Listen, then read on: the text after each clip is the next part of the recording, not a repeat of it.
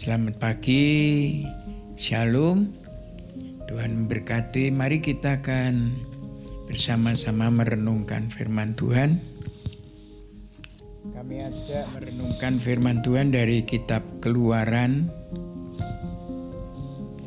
Keluaran pasal 17 ayat 8. Lalu datanglah orang Amalek dan berperang melawan orang Israel di Rafidim.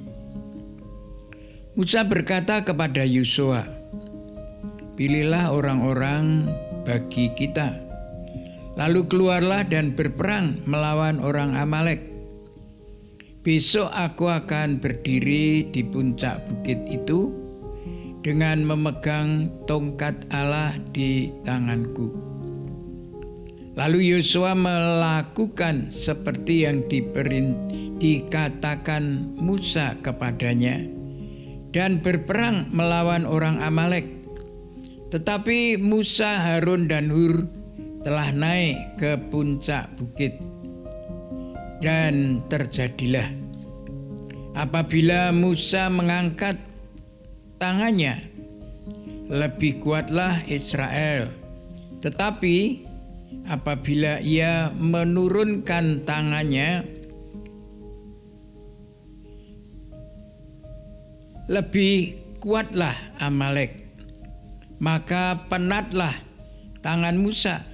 Sebab itu mereka sebab itu mereka mengambil sebuah batu meletakkannya di bawahnya supaya ia duduk di atasnya Harun dan Hur memegang kedua belah tangannya. Seorang di sini dan di sisi yang satu, seorang di sisi yang lain. Sehingga tangannya tidak bergerak sampai matahari terbenam. Demikianlah Yosua mengalahkan Amalek dan rakyatnya dengan mata pedang.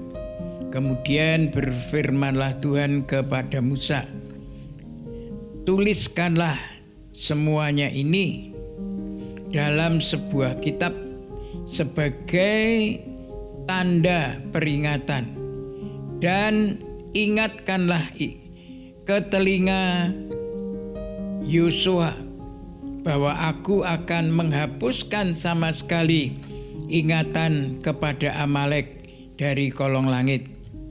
Lalu Musa mendirikan sebuah mesbah dan menamainya Tuhanlah panji-panjiku. Ia berkata, tangan di atas panji-panji Tuhan. Tuhan berperang melawan Amalek turun temurun. Ya, puji Tuhan. Firman Tuhan ini sering kali sudah kita baca, kita dengar renungannya. Ya. Tapi puji Tuhan pagi ini saya ingin menyampaikan firman Tuhan ini yang ada kaitannya dengan bangsa kita bahkan bukan saja bangsa kita tapi bangsa-bangsa di dunia ini yang sedang mengalami kasus atau masalah tantangan yaitu COVID-19.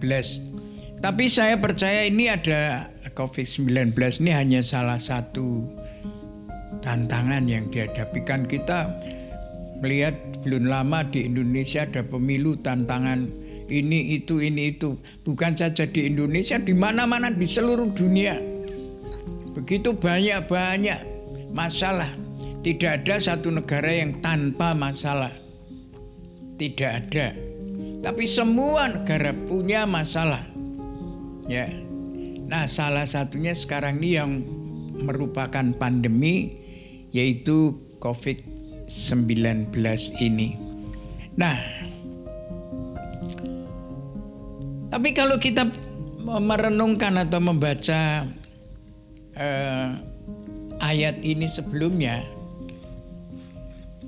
kita akan tahu bahwa orang Amalek itu boleh dikatakan belum pulih sama sekali dalam menghadapi kesulitan hidup. Yaitu kalau kita membaca mulai dari ayat yang pertama ya di mana di situ dikatakan di masa dan Meriba di mana orang-orang Israel itu mengalami kesulitan dengan hidup mengalami kesulitan air. Sehingga mereka itu berteriak-teriak kepada Musa dan bukan berteriak-teriak saja kepada Musa. Tetapi mereka itu kalau kita baca salah satu ayat dari pasal 17 ayat 1 sampai 8, mereka itu akan melempari Musa dengan batu. Wah ini kan bukan satu masalah kecil seorang pemimpin yang yang begitu setia, begitu begitu baik, begitu penuh pengabdian sampai dilik, mau dilempari dengan batu. Oh, pemimpin yang jelek saja kadang-kadang orang tidak akan berbuat seperti itu. Tapi ini Musa menghadapi itu bagaimana boleh dikatakan beratnya atau lukanya yang dihadapi oleh eh, masalah ini. Wah ini masalah yang besar. Nah ini ditambah lagi sekarang begitu mereka baru sampai di Rafidim, orang Amalek sudah menyerang.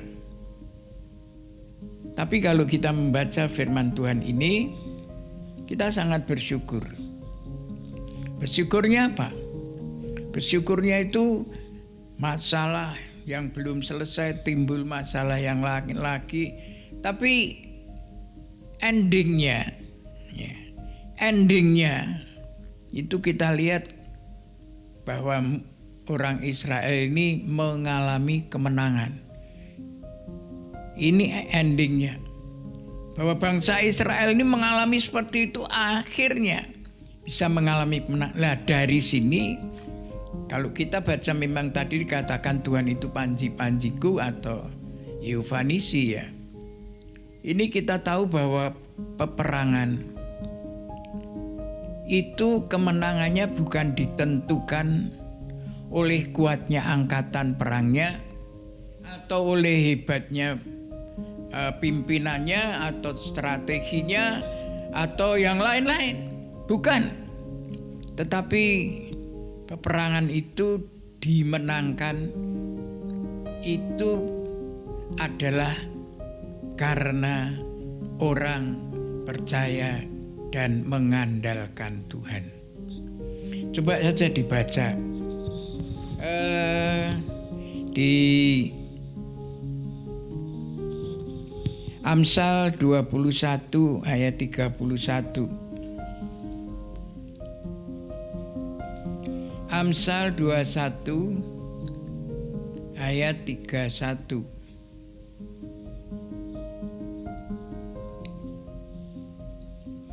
Ini saya bacakan dalam terjemahan firman Allah yang hidup dulu ya. Katakan gini, orang boleh saja bersiap-siap menghadapi pertempuran. Ya, dengan persenjataannya, dengan orangnya, tentaranya, jumlahnya dan apa strateginya, terus nanti wah macam-macam lah. Boleh, boleh saja. Tetapi kemenangan ada di tangan Allah. Ya di dalam terjemahan terjemahan baru yang Bapak Ibu punya Alkitab, sekalipun pertempuran diperlengkapi dengan kuda, oh bukan ini. Ya. Kuda diperlengkapi untuk hari peperangan. Tapi kemenangan ada di tangan Tuhan. Nah, jadi orang Israel bisa menang menghadapi orang Amalek. Itu bukan hebatnya Musa, bukan hebatnya Yosua yang maju, tapi itu ditentukan di tangan Tuhan. Nah, saya sangat yakin pada saat ini kalau kita bisa menghadapi virus corona ini dan kami sangat percaya, kita harus percaya bahwa masalah ini pasti akan bisa teratasi.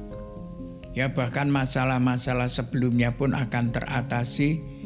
Itu bukan karena kuda tadi dikatakan kekuatan kemampuan bukan.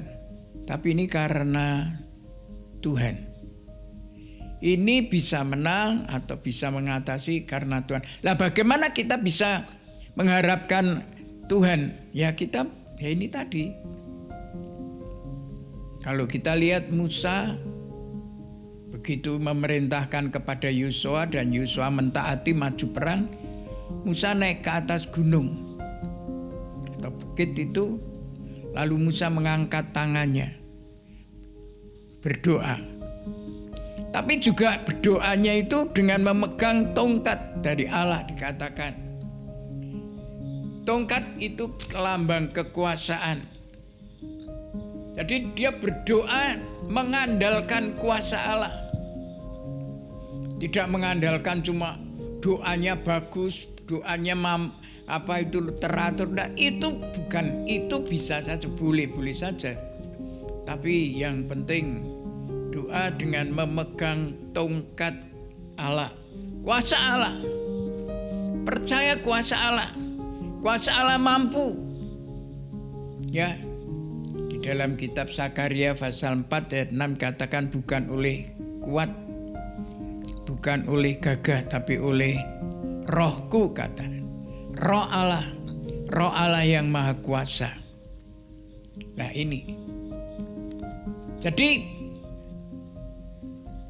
kita di dalam perjalanan ini sama seperti orang Israel, perjalanan dari Mesir ke tanah Kanaan itu sebetulnya gambaran kehidupan kita dari sekarang ini dari begitu kita percaya untuk sampai nanti masuk ke kemuliaan itu per perjalanannya jangan jangan jangan cari enak cuma cari enak. Wow pokoknya nek derek Gusti ki kabeh apik seneng kabeh lebih beres kabeh ndak ada masalah oh bisa kecewa. Ya atau atau makmur lah. Semua.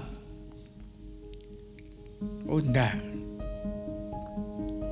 justru perjalanan kita ini akan terus menerus terus menerus akan mengalami masalah. Tapi jangan kendor. Kenapa? Karena kita punya jaminan yaitu penyertaan Tuhan. Dan pertolongan Tuhan. Dengan kuasanya itu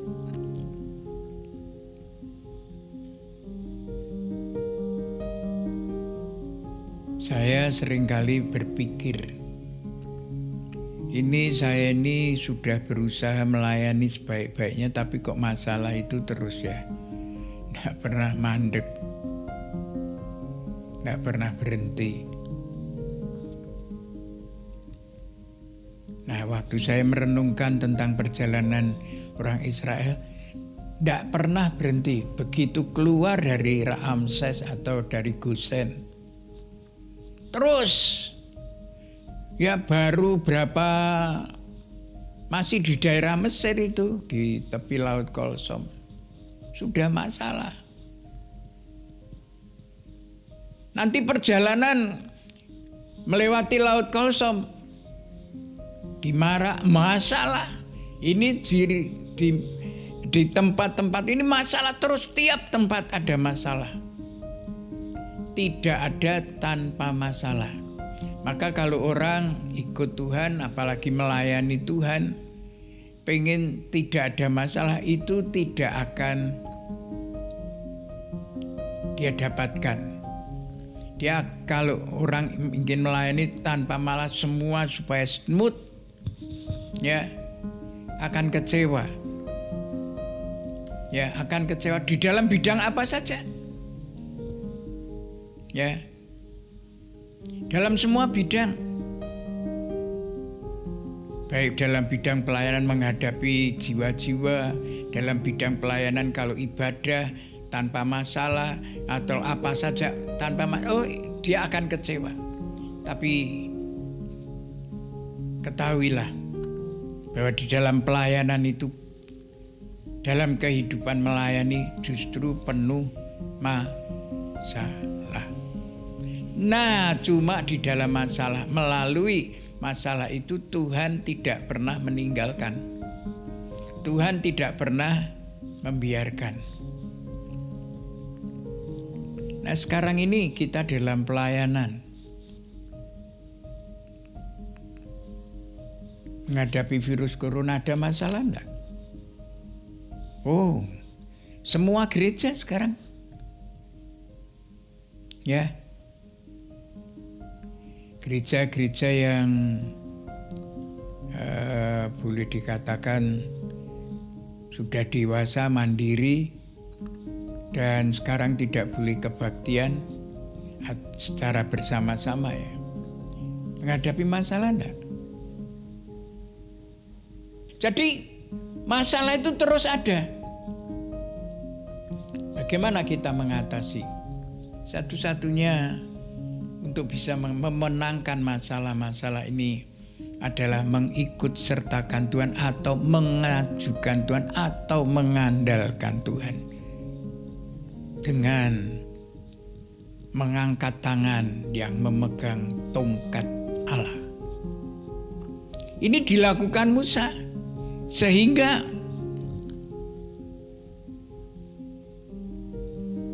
masalah itu akhirnya dimenangkan. Tapi di samping itu ada beberapa hal yang perlu dilakukan. Yaitu perlunya ada Yosua. Yosua itu adalah pembantu dari Musa yang sangat setia, taat, penuh dedikasi, dan kalau melakukan segala sesuatu itu tepat seperti yang diberikan oleh Musa atau sesuai tepat seperti firman Tuhan. Ya. Ini Yosua. Jadi Yosua itu seorang pembantu yang sangat-sangat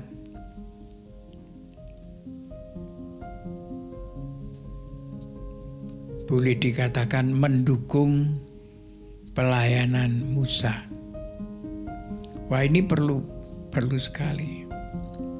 Kita dalam pelayanan tidak bisa sendiri perlu saling bantu membantu ya dan dalam batu bantu saling membantu ini kita harus benar-benar membantu tepat seperti yang dikehendaki Tuhan. Jangan asal-asalan, jangan, ya, jangan. Tetapi perlu saling membantu dengan sangat baik, seperti Yosua. Sehingga Musa terdukung sekali. Ya, Musa terdukung sekali karena adanya Yosua. Ya, Jadi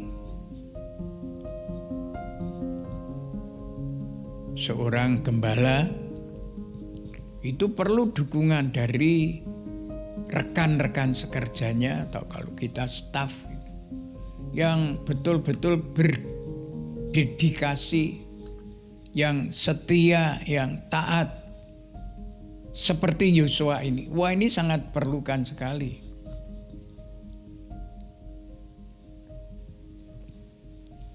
Jangan sampai seorang yang membantu pelayanan Tuhan itu cuma nuntut-nuntut. Wah jangan sekali kan, tidak usah nuntut-nuntut. Tuhan sudah tahu. Dan Tuhan itu pasti akan memberikan kepada seperti Musa atau sebagai seorang gembala. Pasti Tuhan tahu. Ya. Tuhan tidak pernah boleh dikatakan tidak mem, atau tidak mempedulikan Tuhan pasti mempedulikan. Nah, Tuhan mempedulikan lewat siapa? Lewat yang ditunjuk sebagai leader atau pimpinan. Pasti itu. Nah, ini jadi antara Yosua dan Musa ini ada satu sa, apa boleh dikatakan kerjasama atau satu connect yang yang bagus sekali sehingga Musa terdukung tapi Yosua pun sangat terdukung melalui doa Musa di atas gunung. Sehingga dikatakan kalau Musa ini mengangkat tangannya pasti Yosua menang. Tapi kalau Musa letih, capek, dan menurunkan tangannya, Yosua kalah.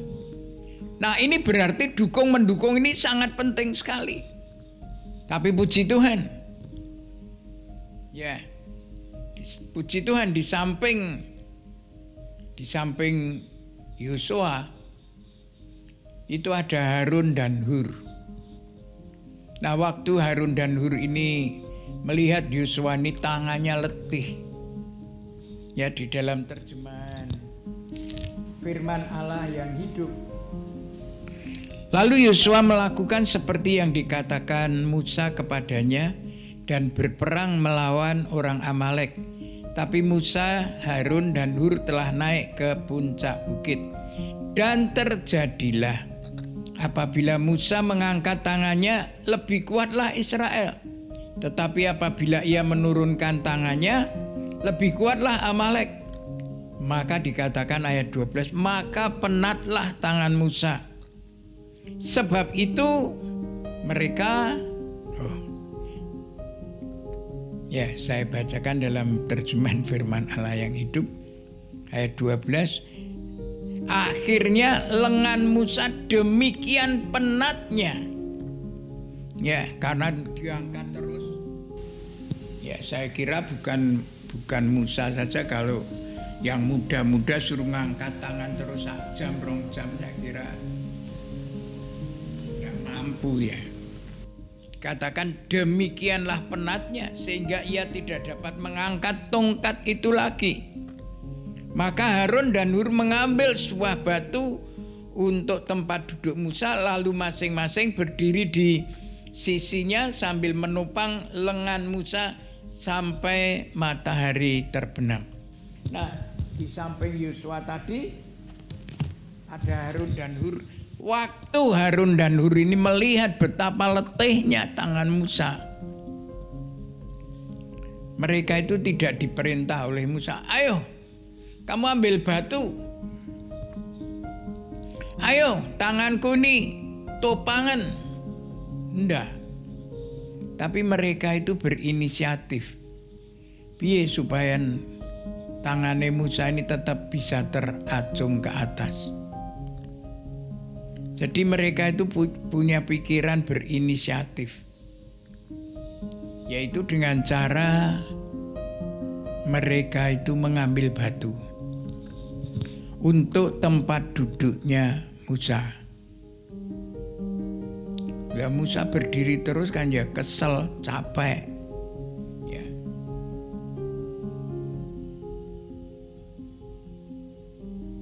Tapi bukan saja capek, apalagi tangannya diangkat.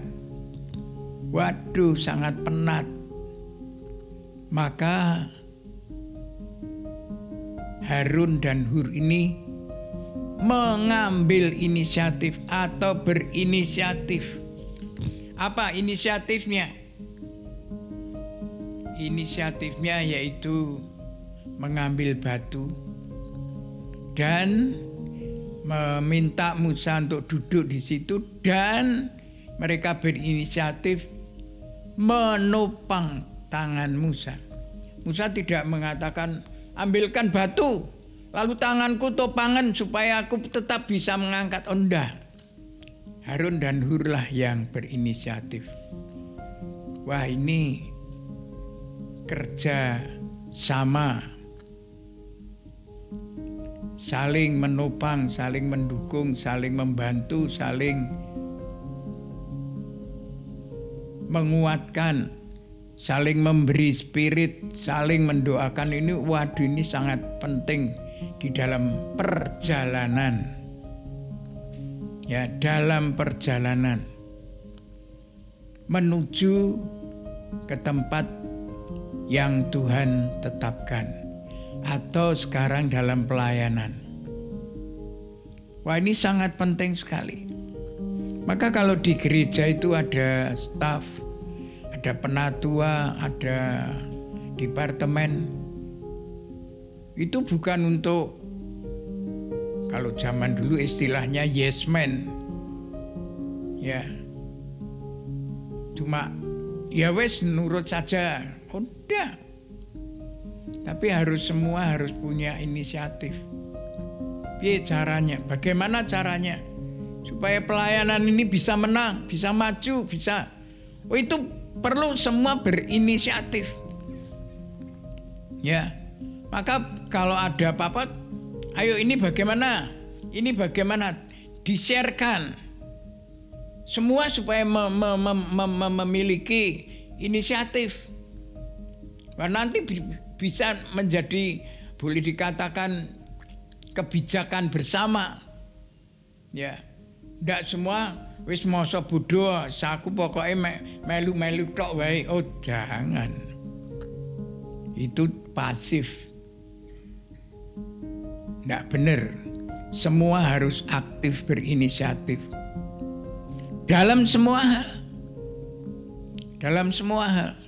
Kita harus punya punya punya inisiatif untuk ikut bagaimana memajukan tidak cuma mendengar, tidak cuma menonton, apalagi suka cuma mengkritik.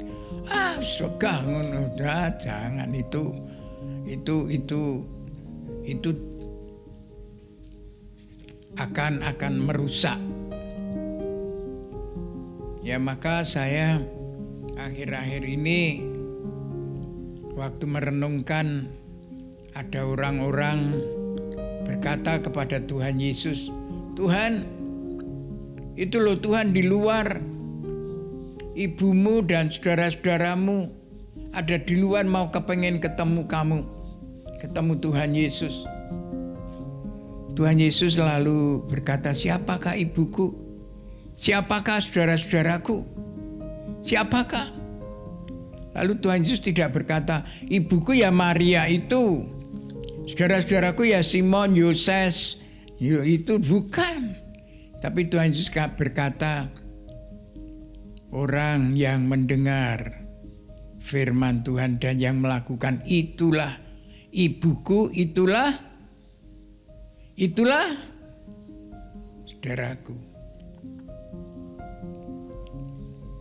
Nah, saya percaya Musa juga akhirnya menang itu karena didukung orang-orang yang mendengar firman Tuhan dan yang mau melakukan firman Tuhan. Ya.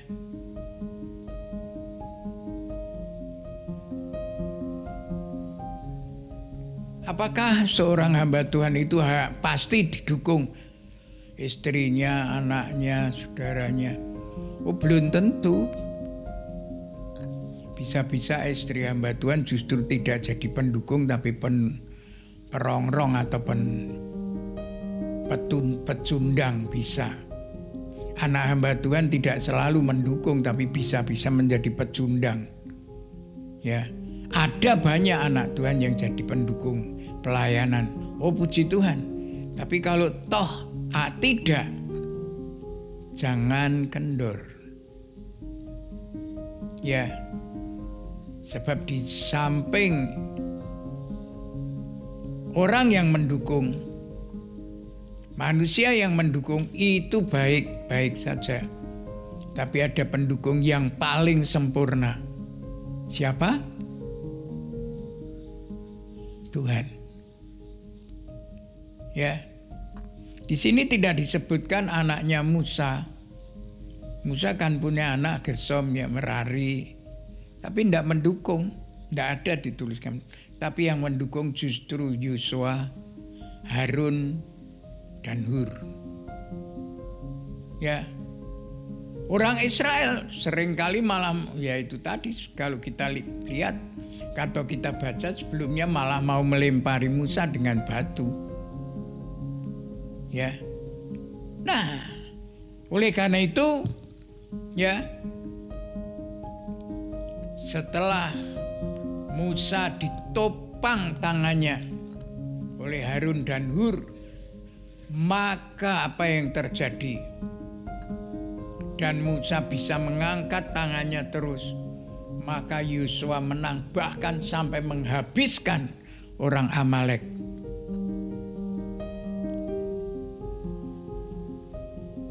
Katakan panji-panji Tuhan, kemenangan. Yovanisi, kemenangan yang luar biasa. Ya.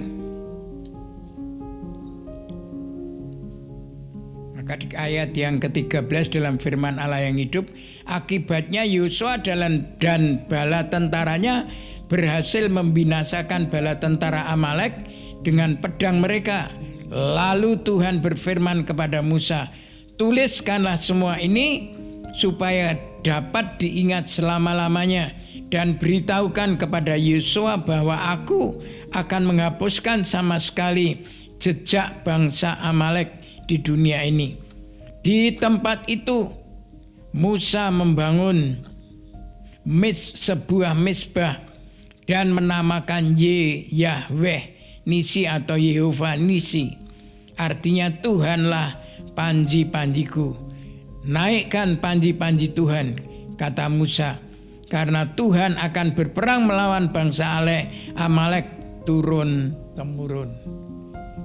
Ya, berarti Tuhan akan menghancurkan bangsa Amalek dan memberikan kemenangan kepada Musa. Nah, kalau di dalam perjalanan kita seperti ini, ya, dukung mendukung, bantu membantu, ya, terutama yaitu Musa, Yosua, Harun, Hur, dan tentunya tentara yang yang dipimpin oleh Yosua, maka Yehova Nisi, kemenangan terjadi. Ya, kemenangan terjadi. Dan pasti akan kalau kemenangan itu pasti akan membawa berkat yang namanya kalau dulu jaran ya jadi berkat ya seperti zaman Yusafat itu lembah Yus apa lembah Beraka itu. Pasti.